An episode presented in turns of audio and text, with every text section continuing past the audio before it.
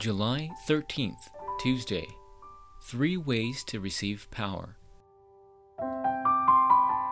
Matthew chapter 16, verses 13 through 20. Simon Peter answered, You are the Christ, the Son of the living God. Jesus replied, Blessed are you, Simon son of Jonah, for this was not revealed to you by man, but by my Father in heaven.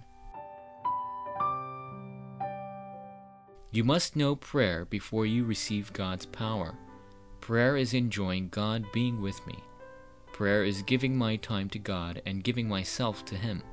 The fundamental part of prayer is seeking God. Then how can we pray well? Number 1. Act of prayer.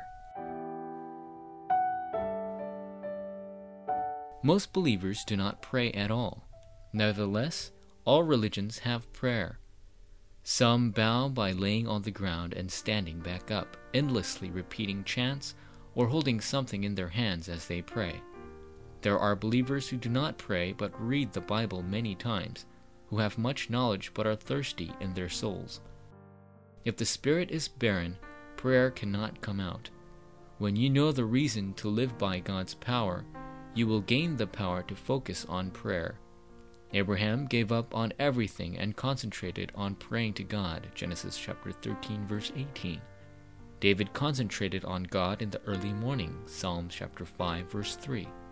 If you have the strength to focus on prayer, then you will be able to pray in any form.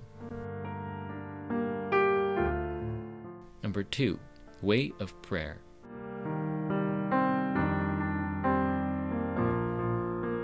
First, it is scheduled prayer that puts the center of your life on God. Works will arise when you daily life is centered on prayer. If you set aside just a little bit of time to pray for the filling of the Holy Spirit, then the power of prayer will appear. Second, it is the prayer of enjoying the gospel and evangelism. If you continue the prayer of enjoying the gospel, then every matter will be connected to the gospel. Thus, you will conquer them and succeed, and enjoy the answers of uniqueness. Third, you will be absolutely receive power if you go into deep prayer. When you have a problem or are faced with an important matter, you will receive special answers if you concentrate in prayer. Number three, discerning in prayer.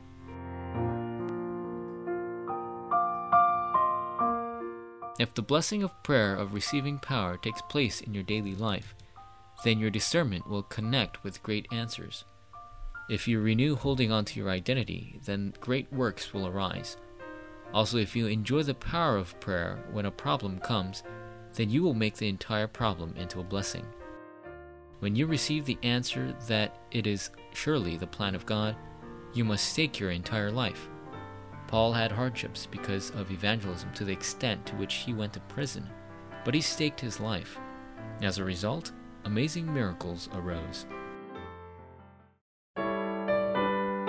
Forum topic What would happen if you have everything but do not know God's plan? Pray before you do all things in order to discover God's plan.